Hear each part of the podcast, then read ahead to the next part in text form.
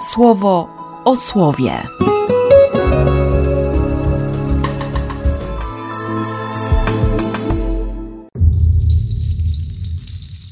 15 listopada, poniedziałek.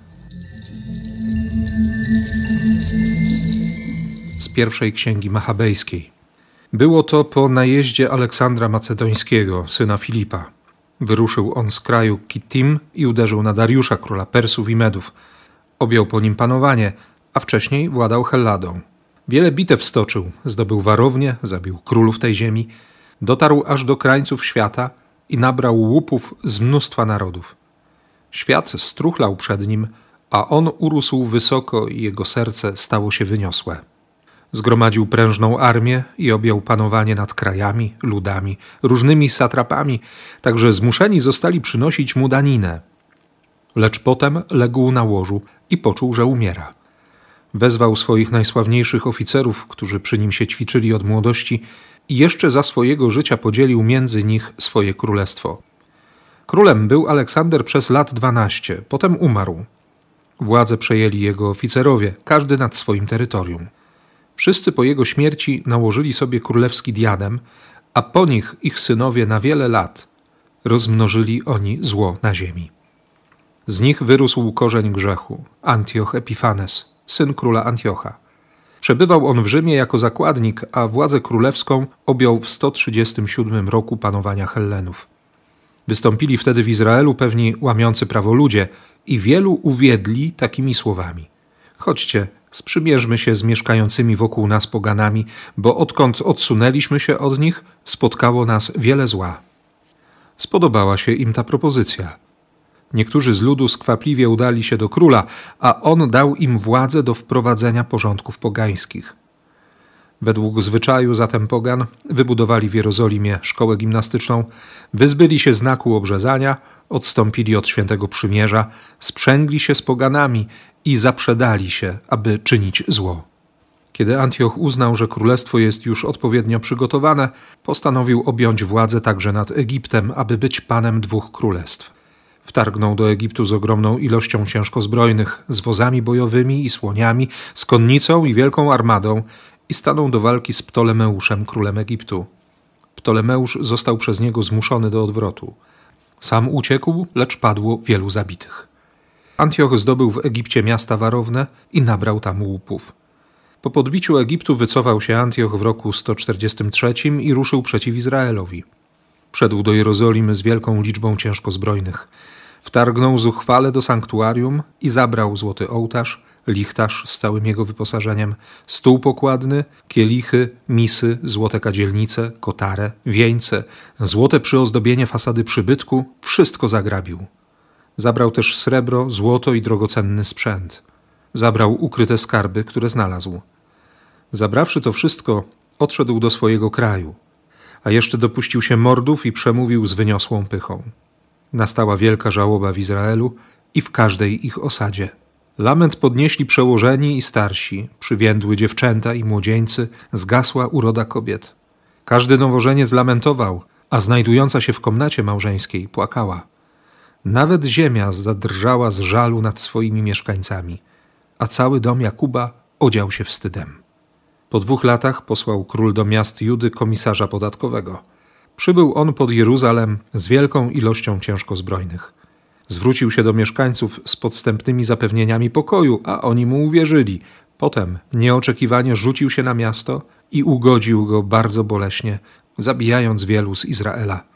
Nabrał łupów z miasta, spalił je ogniem, zburzył jego domy oraz mur je otaczający. Kobiety i dzieci uprowadził do niewoli, zagarnął bydło. Potem miasto Dawidowe umocnili murem wysokim i warownym i obronnymi wieżami, także stało się ich twierdzą. Osadzili tam grzesznych pogan, ludzi nieprawych i umocnili się w nim. Zmagazynowali też oręż i żywność, złożyli łupy zabrane z Jeruzalem i stali się wielką matnią. Twierdza była dla sanktuarium ryglem i dla Izraela zgubnym wrogiem na każdy dzień. Rozlali niewinną krew wokół sanktuarium i zbezcześcili je. Z ich powodu uciekli właściwi mieszkańcy Jeruzalem i stało się ono siedzibą ludności napływowej. Obce było swojemu potomstwu. Jego dzieci opuściły je. Jego sanktuarium było ogołocone jak pustynia. Jego święta zmieniły się w lament, jego szabaty w pośmiewisko, jego przepych w poniżenie. Według miary jego chwały nabrzmiała teraz jego hańba, jego duma obróciła się w boleść. Nakazał król dekretem całemu królestwu, że wszyscy mają być jednym narodem i że każdy ma porzucić swoje obyczaje. Wszystkie ludy z uległością przyjęły ten nakaz królewski.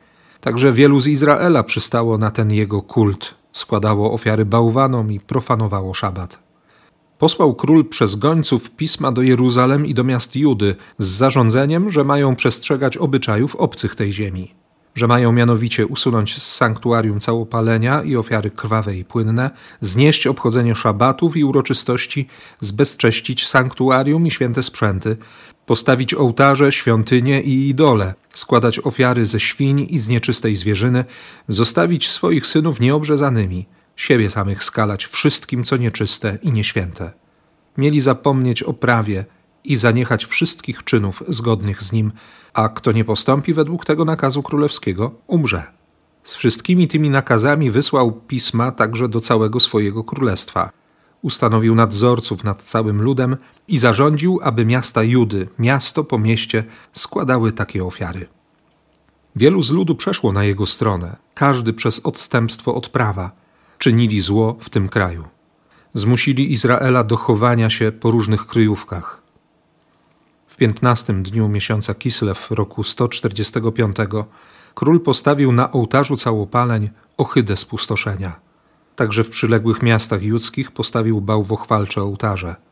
Nawet przy bramach domów i na ulicach składali ofiary kadzielne. Księgi prawa, jakiekolwiek znaleźli, podarli i spalili w ogniu. Jeśli u kogoś znaleziono jakąś księgę przymierza lub jeśli ktoś przestrzegał prawa, na śmierć go skazywał wyrok króla. Gwałt zadawali Izraelowi, kogokolwiek w miastach złapali, i to miesiąc w miesiąc. 25 dnia każdego miesiąca składali ofiary na tym bałwochwalczym ołtarzu, który postawiono na ołtarzu całopaleń. Zgodnie z nakazem śmiercią ukarali kobiety, które swych synów obrzezały, a tych chłopców powieszono im na szyjach. Tak samo ukarali ich rodziny i wykonawców obrzezania. Jednak wielu z Izraela okazało męstwo – i znalazło moc w sobie, żeby nie jeść tego, co nieczyste. Woleli umrzeć, niż się skalać takimi potrawami i znieważyć święte przymierze. I rzeczywiście umierali. Bardzo wielki gniew dotknął Izraela. Z Ewangelii według świętego Łukasza. Gdy już zbliżał się do Jericha, siedział tam przy drodze pewien niewidomy i żebrał. Usłyszawszy przechodzący tłum, pytał, co jest. Powiedziano mu, że to przechodzi Jezus z Nazaretu. Wtedy zaczął wołać: Jezusie, synu Dawida, zlituj się nade mną. Idący przodem strofowali go, żeby był cicho. On jednak jeszcze głośniej krzyczał: Synu Dawida, zlituj się nade mną. Przystanął Jezus i kazał go do siebie przyprowadzić. Kiedy podszedł, zapytał go: Co chcesz, abym dla ciebie zrobił? On odpowiedział: Panie, abym wzrok odzyskał. Jezus mu rzekł: Odzyskaj wzrok. Twoja wiara przywróciła ci zdrowie. Zaraz odzyskał wzrok i szedł za nim, wielbiąc Boga. I cały lud, gdy to zobaczył, oddał chwałę Bogu. Ścieżek interpretacji tego pierwszego rozdziału ksiąg machabejskich jest tyle, że trudno się zdecydować, ale, ale dobrze jest przeczytać po pierwsze całość tego tekstu, po to, żeby zobaczyć całą panoramę cierpienia. I oczywiście można mówić o tym, że dziś jest podobnie, że ta unifikacja do niczego dobrego nie prowadzi, i tak dalej, i tak dalej. Ale to słowo, które ma być dla nas lustrem i które stało się dzisiaj lustrem dla mnie od samego rana, szczególnie w czasie Eucharystii, zadaje mi bardzo konkretne, bardzo mocne pytanie. Ten Antioch IV Epifanes, czyli objawiony. Najpierw przez 12 lat żyje jako zakładnik. Taki zwyczaj. Nie? Rzym zabierał dzieci, synów, władcom poszczególnych podbitych ludów, aby było pewne, że nikt nie wznieci gdzieś tam na rubieżach buntu. Ale co się działo w tym młodym dzieciaku, najpierw, potem człowieku?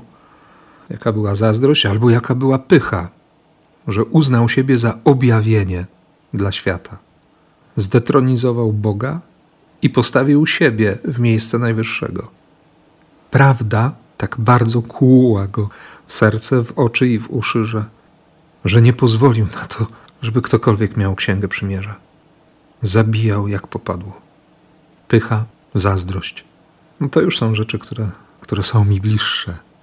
I zadałem sobie takie pytanie na Eucharystii, zresztą na głos, jak to, jak to jest z tą moją pychą, z moją zazdrością?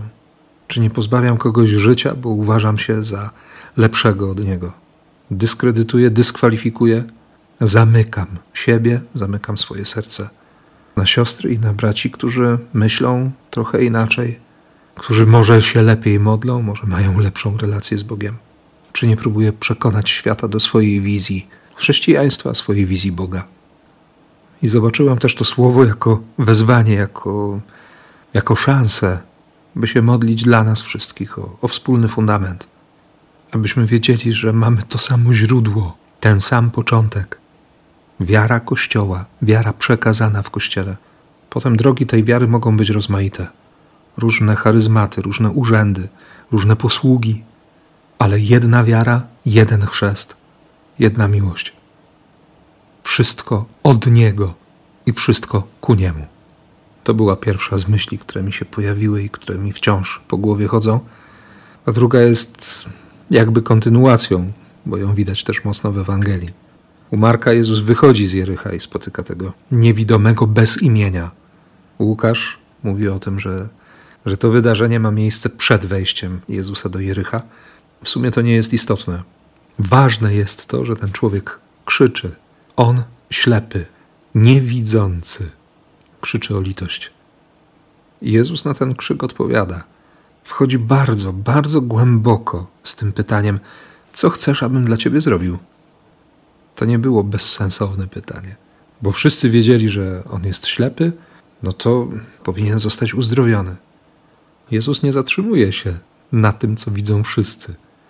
On wchodzi ze swoją łaską o wiele głębiej. Nie? To, jest, to jest właśnie ten, który, który przekopie rękami całe pole, przeorze to wszystko, ubrudzi się, żeby znaleźć skarb. Będzie nurkował wiele razy, będąc na granicy albo poza granicą, po to, żeby, żeby znaleźć perłę. Nie boi się tego, czego ja się wstydzę, tylko zaprasza, wzywa, wchodzi w tę rzeczywistość, w to życie, w moje życie, w Twoje życie, żeby wyciągnąć skarb, żeby Tobie powiedzieć i żeby do mnie też dotarło, że, że jesteśmy Jego skarbem. I dlatego nic nie chce uczynić bez nas, i dlatego my bez Niego nic nie możemy zrobić. A przynajmniej szkoda tracić czas, by robić coś poza Nim. Więc proszę dzisiaj o to, abyśmy nie byli wiarołomnymi dziećmi, tymi, którzy łamią wiarę, łamią przymierze, którzy podepczą miłość, ale żebyśmy uwierzyli i przekonali się po raz kolejny, że bez względu na ilość brudu, Twoje i moje życie, Twoje i moje serce jest skarbem. Jesteś, jesteśmy klejnotem Boga, Jego perłą, Jego oczkiem w głowie. Oby nam to z pamięci nigdy nie uciekło. W imię Ojca i Syna i Ducha Świętego. Amen. Słowo o słowie.